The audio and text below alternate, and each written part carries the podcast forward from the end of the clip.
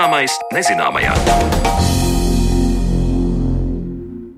Esiet sveicināti raidījuma zināmais nezināmajā un Sandra Kropa kopā ar jums.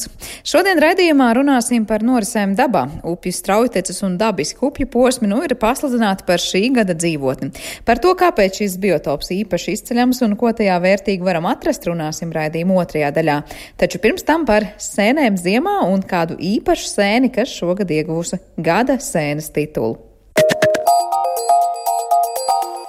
Kā apsūkāta skābā bombonga. Tāda izskatoties šī gada sēnes smailā stiklene, kura gan varēs pamanīt tikai vēlā pavasarī.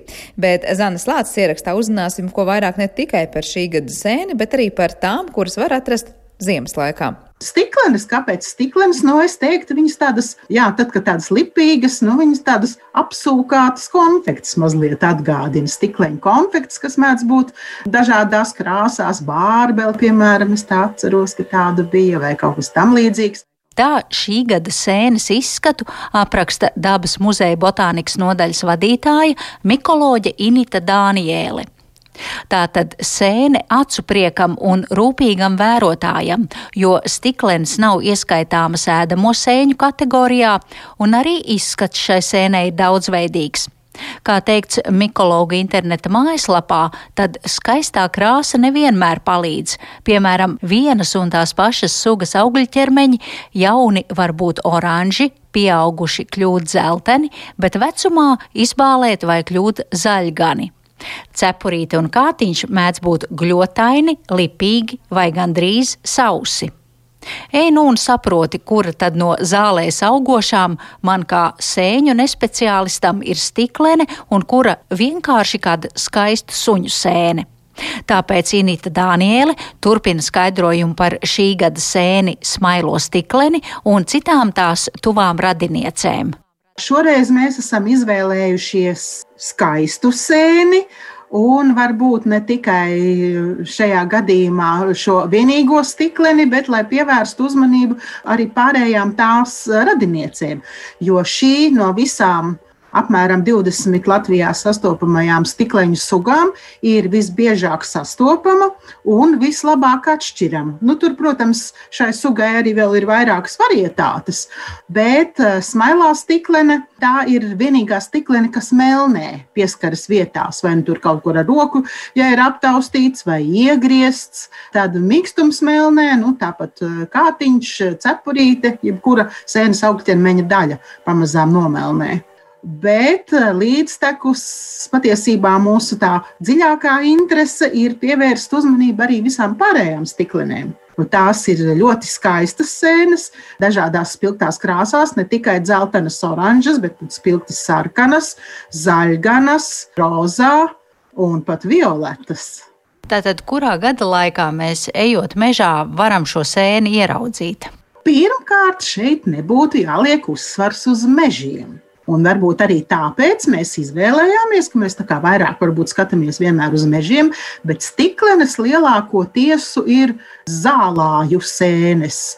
Gan pļavās, gan ganībās, gan, protams, arī mežā zālainās vietās, mežmalās, uz stīgām, ceļmalās, arī koptos pļautos zālienos bet it īpaši tādos nu, nosacīti dabiskos, nemēslotos, neuzlabotos zālājos, sausajās pļavās, zāļu purvos. Un tieši arī, lai pievērstu uzmanību šīm cilvēka maz eh, pārveidotajām augtenēm, kur ir ne tikai rati augi sastopami, bet arī retas sēnes. Latvijā šobrīd ir zināmas 20 stikleņu sugas, un kas zina, varbūt šajā vasarā un rudenī tiks atklāta vēl kāda. Bet kamēr gaidām stiklenes parādāmies, tikmēr prasmīgāki un vērīgāki sēņu zinātāji jau priecājas par tām, kas ir rodamas ziemā.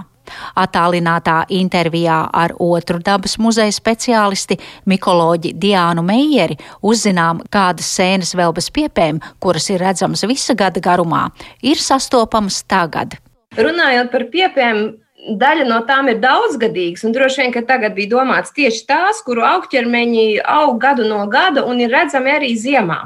Tomēr jāsaka, ka piepēm šobrīd ir tāds relatīvs miera periods. Tās nav tādā aktīvā, ļoti augšanas fāzē, ko nevar teikt par dažām citām sēnēm, kurām ziema, precīzāk būtu teikt, droši vien tādi atkušņu laiki vairāk, kad ir paaugstināts gaisa mitrums un kad nav pārāk augsts, ir tieši aktīva augšanas sezona. Var minēt uzreiz dažas cepurīšu sēnes. Laikam pati raksturīgākā ziemas sēne, kurai pat nosaukumā tas ir minēts, ir samtkāta ziemene, jeb samtainā ziemene. Tā ir atrodama uz lapu koku koksnes. Tie var būt kaut kādi nokautuši stumbri, stāvoši, vai vienkārši dzīva koka, kāda atmirusi daļa, kur kāds, nezinu, nokautis zars varbūt ir nolūzis tādā vietā apmēram. Šīs sēnes ir dzeltenīgi brūnganā medainā krāsā ar tumšiem kātiņiem, un tā ir viena no ziemas sēnēm, kas ir arī lietojama pārtikā. Lai atrastu šīs sēnes, īsti pat mežā nav jābrien, ja gribēšanai salasīt samtainās ziemenes, ir jāiet pa upes krastu, grāmalu, tādās mitrākās vietās. Man kādreiz ābeļdārzā uz vecām ābelēm auga, tad bija tikai jāaiziet no mājas un jāpaņem. No cepurīšu sēnēm vēl šobrīd var atrast punduru kamolenes, vēlā punduru kamolene un sūrā punduru kamolene. Arī meklējams uz lapu koku stumbriem, uz resniem zariem. Aug parasti grupās. Viņas tādas samērā nelielas sēnes, Un no tādām lielākām arī austeru sānaus var augt vēlu, vēlu rudenī. Tā varbūt nav tā raksturīgākā ziemas sēne, bet eh, ar mūsu šī brīža ziemām, mm, ja atkušņi gadās bieži, un arī tajos šī sēne varētu izaugt. Un eh, man šobrīd netālu no mājas Rīgā ir arī zināms viens koks, kur tā austeru sānaus ir pirms pāris nedēļām izauga, un šobrīd viņa skaisti apsnigus ir sasalusi acīm redzot, bet tomēr vēl redzama. Ja pašiem ir slinkums iet dabā un lūkot ziemas sēnes, tad acis var papriecēt Mikologu biedrības izveidotajā Facebook profilā, kur cilvēki iesūta fotogrāfijas ar saviem guvumiem, vai arī interneta vietnē Sēnes LV. Tur arī redzamas nākamās dabas veltes, par kurām stāsta Diana Meijere. Sēnes, kas izskatās kā žāvētas plūmes vai cukurotas aprikozes. Es jau minēju cepurīšu sēnes, bet vēl ir diezgan liela sēņu grupa, kas um, var augt arī vasarā, rudenī, bet visbiežāk redzamas tomēr ziemā. Tās ir dažādas receklenes un eksīdijas. Viņas visas atgādina tādas palielas, formīgas žēlējas piciņas, palielas tiešām, jo ir tāda brūnā receklene, viens piemērs kas aug nu, uz lazdām, uz citiem lapu kokiem. Tā var būt krietnas dūris lielumā. Un ir tāda kruzuļaina, puscaurspīdīga, brūna, tāda kruzuļaina, dzeltenā receklene, kas parasti atrodama uz ozolu zariņiem, nokautušiem arī gan kokā, bet tur mēs viņus parasti neredzam, gan arī nokritušiem zemē zariņiem. Un um, ir tādas ļoti interesantas sēnes arī eksīdijas. Ir um, melnā eksīdija, nošķeltā, saplacinātā. Viņas visas ir tādas puscaurspīdīgas. Tā saplacinātā eksīdija atgādina tādas ledenītes, Un tagad, kad bija tas mitrums un pēc tam uznāca augstums, tad mūsu Facebook grupā Mikologa biedrības parādījās tādas bildes ļoti skaistas, kur šī sēne ir tā kā tāds mazs stārgakmenīts. Viņš ir puscaurspīdīgs brūna sēnīte. Un apkārt tāda sasalusi ledus maliņa, pilnīgi caurspīdīga un spīdīga. Ļoti eksotiski šobrīd izskatās ziemas laikā.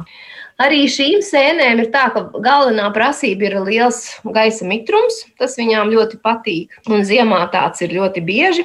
Un um, vēl runājot par reciklinēm, interesants fakts ir tāds, ka, lai arī augus koksnes, viņas tomēr nepārtiek no koksnes, kā varētu padomāt uzreiz, bet viņas pārtiek no citu sēņu micēlī, kas aug šajā koksnē iekšā. Vai jūs varat paskaidrot, kāpēc ir tādas sēņu sugas, kuras ir izvēlējušās šos augstos un skarbos apstākļus, proti, ka tās aug tikai ziemā?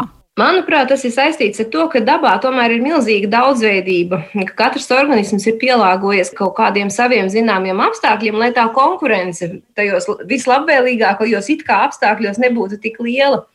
Tāpat arī par sēnēm runājot. Viens sēņu micēlijs ir pielāgojies, ka viņam optimālā temperatūra ir piemēram augšanai 20 grādi.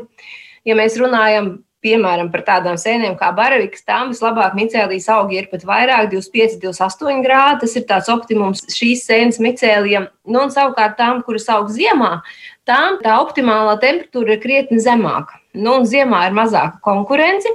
Varības bāze šīm sēnēm ir atmirusi koksne, līdz ar to tā ir pieejama visu cauru gadu. Un, ja tā temperatūra nav ļoti augsta, tad tās sēnes var diezgan mierīgi dzīvot šajā gada laikā. Diana, man interesē, vai jūs arī pati ejat eh, ziemā sēņot un lasāt šīs sēnes apēšanai, ne tikai tāpēc, lai tās izpētītu. Mhm, jā, protams, eju. Man bija svaigu ziemeņu mērcīte ap Ziemassvētkiem, un 1. janvārī man bija īpašs mērķis, jo tad bija apstākļi ļoti labvēlīgi, un es braucu uz mežu ar mērķi savākt sēnes gan ēšanai, gan atrast arī papriecāties par ledus matiem, kas arī ir saistīti ar sēnēm. Un pirmajās piecās minūtēs atradu ledus matus un arī samērā daudz savācu tādu krietnu bļodiņu arī ziemas mērcītei sēnes. Jūs minējāt tos eh, ledus matus. Es lūkšu jūsu skaidrojumu, kas tad tie tādi ir. Ledus mati ir eh, tādi īpaši izveidojušies eh, ledus kristāli, tā to varētu teikt, un to veidošanu tādā formā, kāda viņi ir, to nosaka sēnes klātbūtne koksnē. Ledus mati veidojas uz lapu koku zariņiem, nokaltušiem tādiem nelieliem, un tajā vietā, kur šie ledus mati parādās, parasti tā miziņa ir atplīsusi.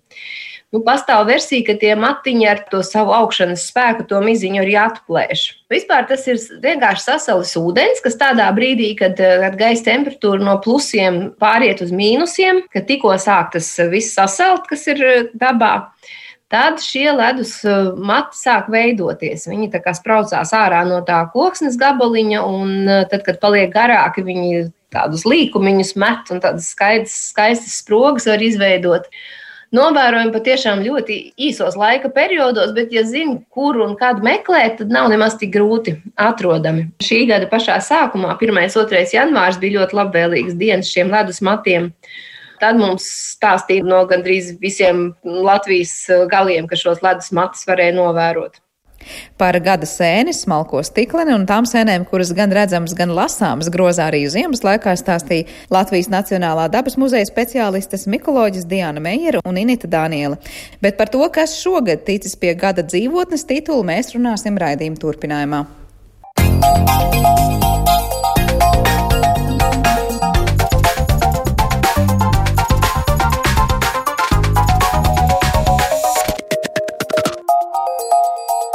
Zināmais nezināmajā. Latvijas dabas fonds šogad par gada dzīvotni nosaucas upju straujteces un dabisku upju posmus. Kāpēc šis biotops īpaši jāizceļ un kādas dabas bagātības slēp tieši dabiskas upes, to mēs centīsimies atklāt raidījuma turpinājumā. Jūs sarunu attālināt esam aicinājuši Latvijas dabas fonda padomus locekli Rūtas Sniedzu Kretālovu un dabas aizsardzības pārvaldes dabas skaitīšanas projektu vadītāju Iris Mukānu. Labdien! Sveicināti! Labdien! Vispirms varbūt par to, kas tad īsti ir šie šī gada īpaši godājumie biotopi, kur es teiktu, nu tieši ne tikai uz upēm mēs skatāmies, bet mēs skatāmies tieši uz dabiskajiem upju posmiem. Uh, varbūt lūkšu jūs abas raksturot, ar ko šie dabiskie upju posmi atšķiras no vienkārši mēs raugāmies uz upi un teikt, teiksim, ka nu, tā, tā šogad ir tā īpašā dzīvotne, kas jā, jāiepazīst un jāsargā. Īris, varbūt sākšu kā ar dabas skaitīšanas cilvēku. Uh, nu, droši vien, ka tipisku straujteci mēs katrs varam sadzirdēt un atpazīt pēc ūdens ņirbēšanas. Tas ir tas, kas raksturo šo strauteču biotopu. Un šīs strauteķis tiek uzskatītas par ekoloģiski ļoti vērtīgām, jo straumes ātruma dēļ tās bagātinās ar skābekli, un um, tajās intensīvāk no, norit šie upes pašatīrīšanās procesi. Uh, tas būtu tā īsumā par to, kas ir straujtece. Latvijā ir sastopami divi straujteču veidi, bet varbūt par tiem nedaudz vēlāk. Varbūt Rūta var pateikt no sava skatu punkta, kāpēc tieši straujtecis kā biotops tika izvēlēts. Uh, nu jā, tātad uh, Latvijas dabas fonds šoreiz izvēlējās uh, tādus uh, ūdeņa biotopus, uh, cildināt, pievērsties viņiem vairāk. Jā, tātad uh, šis, uh, šī dzīvotne, upju strautecis un dabas upju posmi, uh, nu, tad, tas ir Eiropā un Latvijā īpaši aizsargājams uh, biotops. Un, uh, no vienas puses ir tā, ka uh, jā, tās strautecis ir vērtīgākas, varbūt tās uh, ar to savu, savu, savu unikalitāti un un ar savu īpašo mm, floru un faunu, kas ir saistīti tieši ar šiem tiešām skābekli bagātajiem, straujajiem ūdeņiem. Tomēr arī ļoti, ļoti būtiski ir šie vienkārši dabiskie upju posmi, kur varbūt tas ūdens tecējums nav tik strauji bet, mm, bet vēl jau vairāk tieši nu, lielākā daļa, kas ir nu, teiksim, palienas un palu procesi, īsnībā vairāk gan īsnībā pat saistās ar šiem dabiskiem upju posmiem. Tāpēc īsnībā nu, nozīmīgi ir gan vieni, gan otri, un tas, ka mēs viņus izdalām kā divus variantus, tas ir tāda tā, tā kā Latvijas interpretācija īsnībā. Jo, jo kā, kā īpaši aizsargājamais biotops ir nu, vienkārši dabiskās upes. E, nu, Bet dabisko upi, ja mēs mēģinām iedomāties, nu, kāda tā ainava ir, tad tur būs gan tās straujateces, gan tie līkumotie līkumi, vai, vai ne obligāti? Nu, ne, ne obligāti īstenībā, jo tam, tiksim, mēs varam, nu, paņemsim mūsu Daugava, jā, visi, visi zina, visi ir bijuši un tā. Tad, tad ir Daugavas loki, mēs paskatāmies milzīgi skaisti, skaisti līkumojoši upe, un tur nekādas tādas lielās ūdens čalošanas mēs neredzam, protams, bet tomēr ir šī Daugavas ieleja, jā, visi arī lielie, nu, patiesībā tad arī tur šie te, šīs palu terases un um, visi nozīmīgie procesi notiek. Tad, tad, uh, un, un savukārt, tad, kad mēs aiz, tuvojamies kādām pļaviņām, tad mums uh, Daugavas tā dabiskā gultne pazūd, protams, jā, jo viņa ir uzpludināta. Un tā, tā ir pārveide, tas ir pārveidotais upju posms.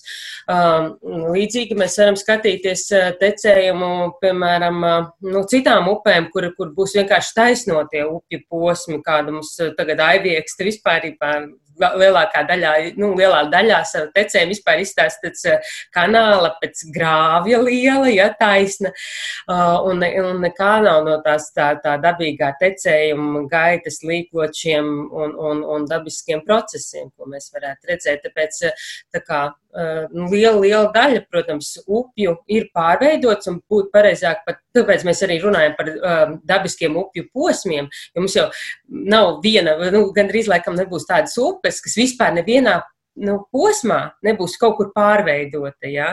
Un, un tad nu, mēs nevaram teikt, ka dab, dabiskās upes tikai, ja? tad mēs tikai īstenam jau to tikai uz kaut kādiem konkrētiem posmiem, kur mēs redzam šos dabiskos procesus. Ko upei nozīmē tas, ka kaut kādā posmā tā ir pārveidota? Mēs varam teikt, ka kopumā tā upe tikai tajā posmā, nu tā var teikt, neveic tās visas savas funkcijas, ko dabā tā veiktu, vai tas vienkārši ietekmē vispār to, kas ar to upi ar laiku notiek? Nu, es domāju, ka noteikti ietekmē arī tā, tā ietekme nav tikai nu, tā uzpludinātā zona. Nu, skaidrs, protams, ka tas nu, ļoti, ļoti daudz ko izmaina. Gan arī varības viela apriti, gan nu, tā paši, tie paši traumas procesi, vai ne? Vai nu viņi, tad, tad tur viņi uz uzstādinājumu viņi kavēta tiek, pēc tam viņi atkal kaut kā ātrāk plūst projām. Tā kā, protams, ka tā ietekme ir daudz, daudz lielāka, jā, bet, nu, ja mēs paņemtu, tā teikt, tiešām katru upi, kurai kaut kāds pārveidojums, un tagad mēs viņu neskaitītu par šo biotopu, tad vienkārši šī biotopa vairs Latvijā nebūtu. Iris, droši vien gaitot dabu, daudz ko nācies saprast un ieraudzīt, kas tad mums ir ar tām dabiskajām upēm Latvijā. Nu, ja atgriežoties pie tā, kas ir pārveidota upe, mēs to laikam definētu, kā, ka tā ir pielīdzināma ūdens notekai, kuras galvenā šī funkcija ir ūdens vai vielu transports lielā pastiprinātā apjomā, respektīvi novadīt ļoti ātri visu to, kas ir sakrājies. Bet nevienmēr mums, protams, tas ir vajadzīgs, jo šie dabiskie saldūdeņu biotopi, jeb upju posmi. Protams, šis stāvoklis, kas ir saskaitīts dabas skaitīšanā un apzināts, ir atšķirīgs pa Latvijas reģioniem un upju baseinu apgabaliem, saucamajiem, jo katrai, katra novada lielajai upei ir viena, katrā novadā ir viena upe, pēc kuras tiek rēķināts šis upju apgabals. Teiksim, vidzemē tā ir gauja, un vislabākā šī upju, dabisko upju situācija ir Gaujas upes baseina upēm. Un sliktākā ir attiecīgi zemgalē, Lielupes upes baseina upēm. Un, ja procentuāli skatāmies, tad Lielupes upes baseina 68% no visiem upju posmiem neatbilst šīm Eiropas Savienības nozīmes īpaši aizsargājumam biotopam, jo tieši kā jau iepriekš minēts, tie ir tikuši pārveidoti, taisnoti vai padziļināti kādā laika posmā.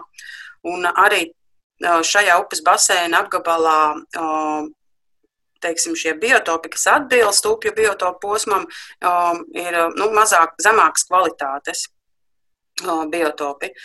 Nu, protams, tas skaidrojams ar šo lielo ārāmu zemju meliorēto zemju īpatsvaru zemgalē, jo nu, Latvijas maizes klēts ir zemgale, un līdz ar to šajā reģionā ir daudz lauksaimniecības zemes. Uh, jā, par gauju, par gaujas upes basēnu upēm. Uh, ir salīdzinoši labākā biotopu kvalitātē šīs mazās skaistās upītes. Un nu, neliela daļa tikai neatbilst šiem Eiropas Savienības nozīmes biotopiem. Un kā izcilas kvalitātes upju piemērus mēs varam minēt Vaidavu, Strīķu, Piamatu, Rauzu, Vizlu. Arī gaujas šos posmus, kas ir straujteces posmi, ko jau arī Rūta minēja. Nu, tātad sadalījums, teiksim, šie divi apakšvarianti, kuros tiek upes iedalītas, ir vienas, ir, kas ir straujāk tekošas, un otrs, kas ir ar mazāku straumes ātrumu. Jeb ritrālās upes, kas ir straujteces, un lēni tekošās, jeb patamālās upes, kuras straumes ātrums ir mazāks par 0,2 metriem sekundē. Nu, tur ir nedaudz atšķirības tajā, kas ir upes gruntī, un droši vien, ka tiem, kas dodas makšķerēt, vairāk patīk šīs ritrālās, jeb straujtekošās upes, jo tās ir saucamās lašu taimiņu foreļu upes, Un tās, kas ir lēnāk tekošas, tās atbilst karpveidīgo zivju mīlošiem ūdeņiem. Bet tajām uh, straujākajām arī tā grunts būs tāda, nu, var teikt, pateicīgāka, lai tur nebūtu ne dūņas, ne kaut kādas uh, krāsa būtu tumšāka, vai tam nav saistības ar to?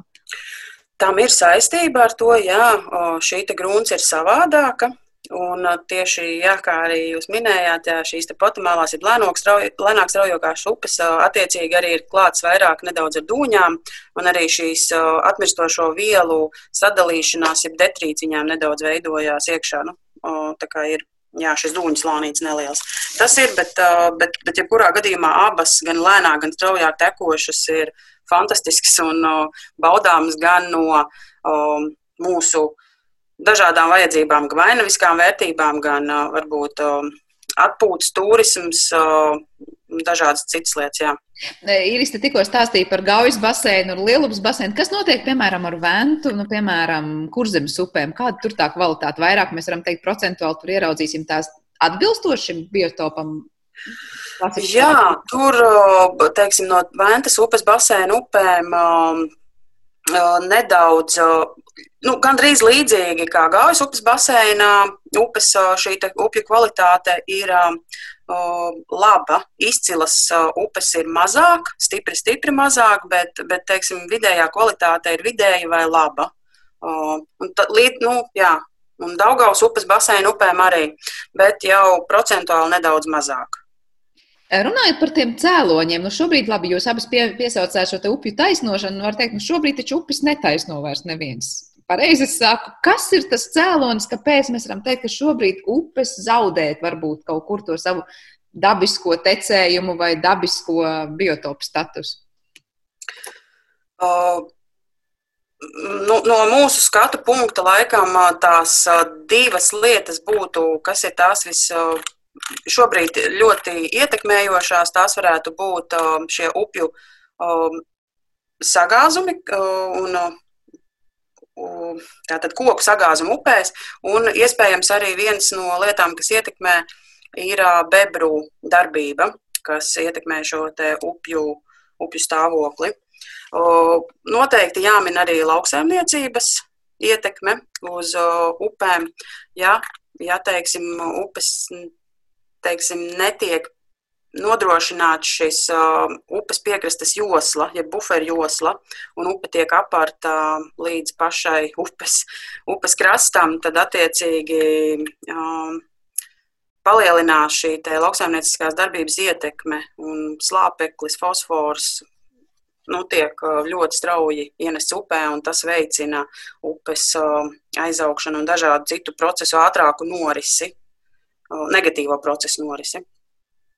Rūta, kas ir tas, ko dabas fonds grib vairāk par visu panākt šajā gadā, aicinot cilvēkus aizdomāties par šīm dabiskajām upēm?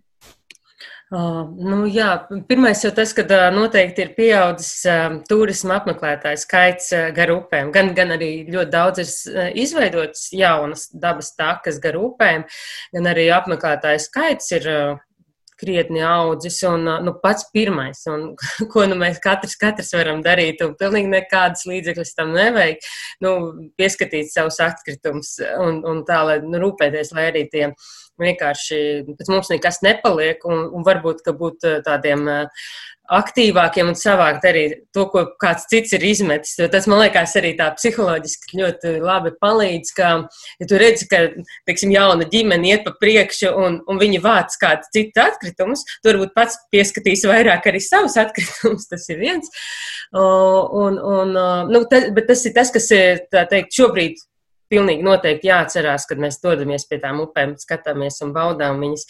Un, un, un, protams, kā jau īrisa minēja, šie koku sagāzumi un, un um, lauku uzāršana līdz uh, krantī. Uh, tas, nu, protams, ir tas, ko, ko savukārt um, tie, kuriem ir zem, zemeļu īpašumi, kas robežojas ar upēm, ka tiešām uzņemties arī to atbildību par um, to, kā tā upe izskatās uh, nu, īpašuma robežās, respektīvi, nu, eh, tiešām parūpēties, lai ir kaut kāda buferu josla, lai piesārņojums eh, nu, vai no lauksaimniecības vai kādā nu, savādāk nenonāktu upē, nu, arī pieskatīt savus notekūdeņus, lai, lai tie neiet. Ne, vienalga satīrīt, neatīrīt, lai vienkārši viņi nenonāktu upēs. Un, um, uh, šie koku sagāzumi, nu, diemžēl savādāk jau iemesls, nu, ja, savādāks iespējas jau nav, kā tikai tiešām ņemt motorzāģis, taisīt varbūt no attīrīšanas tādas tā, talkas, kādas jau tiek taisītas, un gadu desmitiem jau Andris Urtāns tādas ir tiešām organizējis un palīdzējis taisīt, un, un, nu, un, un laivotāji tādas upju atbrīvošanas talkas veido. Nu, tas, tas tiešām ir ļoti, ļoti nozīmīgi atbrīvot šo te, tecējumu, lai, lai neveidojas šie sanesumi, šie aizcērējumi. Jo kas notiek arī tad, kad mums ir, ir, ir šie aiz, nu, saka, sanesumi, aizcērējumi, mums vienkārši pazūd šie akmeņotie posmi. Un, un tad pazūd tās dzīves vietas, kas ir piemērotas tikai tām sugām, kas, kurām ir vajadzīgs gan tā akmeņainā grunts, grančainā un, un, un, un skābekli bagātā vide. Tiklīdz tas nav, nu viņas nevar savādāk pielāgoties. Viņas vienkārši aizies prom no tās, tās, tās konkrētās vietas. Tā kā nu, upes nav tādas, kuras, kuras mēs, par kurām mēs varam domāt, ka nu, viņām pilnīgi nekāda palīdzība no cilvēka puses nav vajadzīga, un mums par viņām nebūtu jārūpējas. Nu, līdzīgi kā mēs domājam, ko mēs varam, e, kā mēs varam palīdzēt pļavām vai, vai mežiem reizēm, jā, tad mums ir īstenībā jā, jā, jāpiedomā arī pie, pie upēm. Kā ar to pļaušanu, nu, piemēram, aizauga ar meldriem vai kā citādi, tur ir jēga cilvēkam tās izpļaut, vai tā ir tā kā cīņa ar veidzirnavām? Noteikti mēs no dabas aizsardzības pārvaldes puses aicinām cilvēkus. Tas ir viens no veidiem, kā apsaimniekot savu upes krastu. Ja upē ir liels aizaugums ar niedrēm, meldriem, vilkvālēm, noteikti mēs uh, rosinām šo, veikt šo pļaušanu, bet ar noteikumu, ka šis nopļautais materiāls netiek palaists pa upi uz leju, kā tas reizēm mēdz gadīties, vai arī uh, um, nopļaujatā zāle, kas ir upes krastā, tiek iemest upē un palaist, lai viņi peld, bet izvākt ārā. Un uh, šo kompostu kaudzi varbūt neveidot tiešā upes uh, krasta tūmā, bet uh, panest nedaudz uz augšu, jo jārēķinās, ka pavasarī ar plūdiem viss šis sanestais komposts var tikt aiznests atkal um, tālāk upē iekšā. Nu, jā, šīs ir tās papildus barības vielas, ko nevajadzētu uh, um, nodrošināt, lai viņas tiek upē ienestas. Tas attiecās arī uz sausajām toaletēm, um, kas atrodas bieži vien upju krastos. Rūdē droši vien piebilstams kaut kas. Jā, man, man ir vēl viena maza piebilde. Tātad um, par um, iepriekš sarunā tika minēts par to, ka mūsdienās nu, upes vairs tā kā netaisno, kas ir gan jā, gan nē, jo tāpēc, ka mums ir liel, ļoti, ļoti blīvs meliorācijas tīkls un ļoti daudz, kur šīs te jau meliorētās upes tiek. Um, kā lai saka, pārtīrītas. Un tad ir izstrā, speciālisti ir izstrādājuši vadlīnijas par to, kā to darīt saudzīgi. Un īris eh, neļaus sameloties to, ka šobrīd eh, šis eh, īpaši aizsargājamais biotops ir konstatēts arī tādos posmos, kas ir bijuši taisnoti, bet viņi ilgstoši bijuši atstāti mierā, un upe pati ir dabiskojusies un, un jau atbilst tam tiem kritērijiem, par kuriem mēs sakām, ka tā ir nepārveidota upes gultne. Un tā kā šiem upju pārtīrīšanas darbi notiek diezgan tādos nu, apjom, lielos apjomos, jā, tad, nu, manuprāt, tas ir ļoti svarīgi sekot tam līdzi, lai tiktu ievērot šīs speciālisti izstrādātās uh, vadlīnijas par to, kā to darīt saudzīgi. Jo nu, ļoti daudz, kur es esmu pa Latviju redzējis, ka tas notiek diezgan tā, nu, dramatiski. Akal tikko vēl bija tāda, ko jau cilvēks psiholoģiski uztver kā, akal, kā upe, un ka viņi atkal pārēš pa tādu nu, diezgan brutālu grāvi. Bet kā sanāk, ja jau ir pārveidoti upes posmi? Uh, Mēs varam teikt, tas ir tomēr vairāk vai mazāk neatgrieznisks process, vai tomēr minot tās darbības, ko jūs jau piesaucāt, mēs varam palīdzēt tai upei atkal nonākt nu, nevis tādā vidējā kvalitātē, bet tiešām ļoti dabisku kvalitāti, sasniegt augstu kvalitāti. Nu, domāju, tas, ko minēja, Ja mums dotu, ja upē dotu daudz, daudz simtus gadu, es domāju, ka viņi ļoti labi tiktu galā bez cilvēka dabiskotos, un viņi vairs, eh, nezinu, droši vien, kad, um, nu, eh, ka viņi arī atgrieztos savā tādā, nu, kaut kādā normālā tecējumā, pa lielam, pa lielam, bet, nu, Tas ne, to nevar pateikt uz simt procentiem, ka tas tā būs. Vienkārši, jo visas nu, Latvijas upes, viņas arī ģeoloģiski ir ļoti, jā, nu, salīdzinoši jaunas, jā. Viņām ir šī, tas, eh, šis process vērojams, ko, kā upe vēl vei, nu, veido savu gultni un maina. Tāpēc mēs redzam, kā, cik līkumot ir, piemēram, gauja, un viņas vecupes veidojās, un, visi šie dabiskie procesi, tad, tad nu, viņi nestāv kā, kā, kā nezinu, pirms daudziem tūkstošiem gadu, kā, kā stecēji, tā tagad arī tecēs. Nē, viņi meklē kaut ko, kaut kāds, kaut kāds jauns iespējas nu, graužās cauri mīkstākiem iešiem, un, un tāpēc main, šī gultne mainās. Irisē bija kas piebilstams. Nu, jā, ļoti līdzīgi kā teica Rūta, bet jā, tas interesantais un pozitīvais ir tas, ka tiešām daba spēja atkal atjaunoties un tikt galā ar šo cilvēku veidotajiem pārveidojumiem un atjauno, atjaunot sevi kā dabisku atpakaļ. Un, un no dabas skaitīšanā šiem veiktajiem apzināšanas darbiem strauji taču, kur ir atjaunojušies, tad 7% no šiem pārveidotiem posmiem, kas ir veikti varbūt 50 gadus atpakaļ, ir upes, upes spējuši jau dabiskoties, un šis posms izskatās kā nu, da, atzīts uh, Eiropas Savienības nozīmes uh, biotopam, šim strauji taču posmam, un viņš tikai ir nu, dabiskojies atpakaļ. Lieta, Tas ir pozitīvi. Jā, lieta, ko mēs neesam piesaukuši un ko noteikti būtu jāizstāsta, ir, labi, mēs sakām, tie ir tie dabiskie skaistie posmi, vizuāli tie atgādina psiholoģiski vairāk upi nekā grāvi. Kāda ir tā nu, nozīme dabā šiem dabiskajiem posmiem? Kas tur dzīvo un kam šie posmi ir svarīgi? Kāpēc mēs varam teikt, ka nu, mums vajag šādus upju posmus arvien vairāk?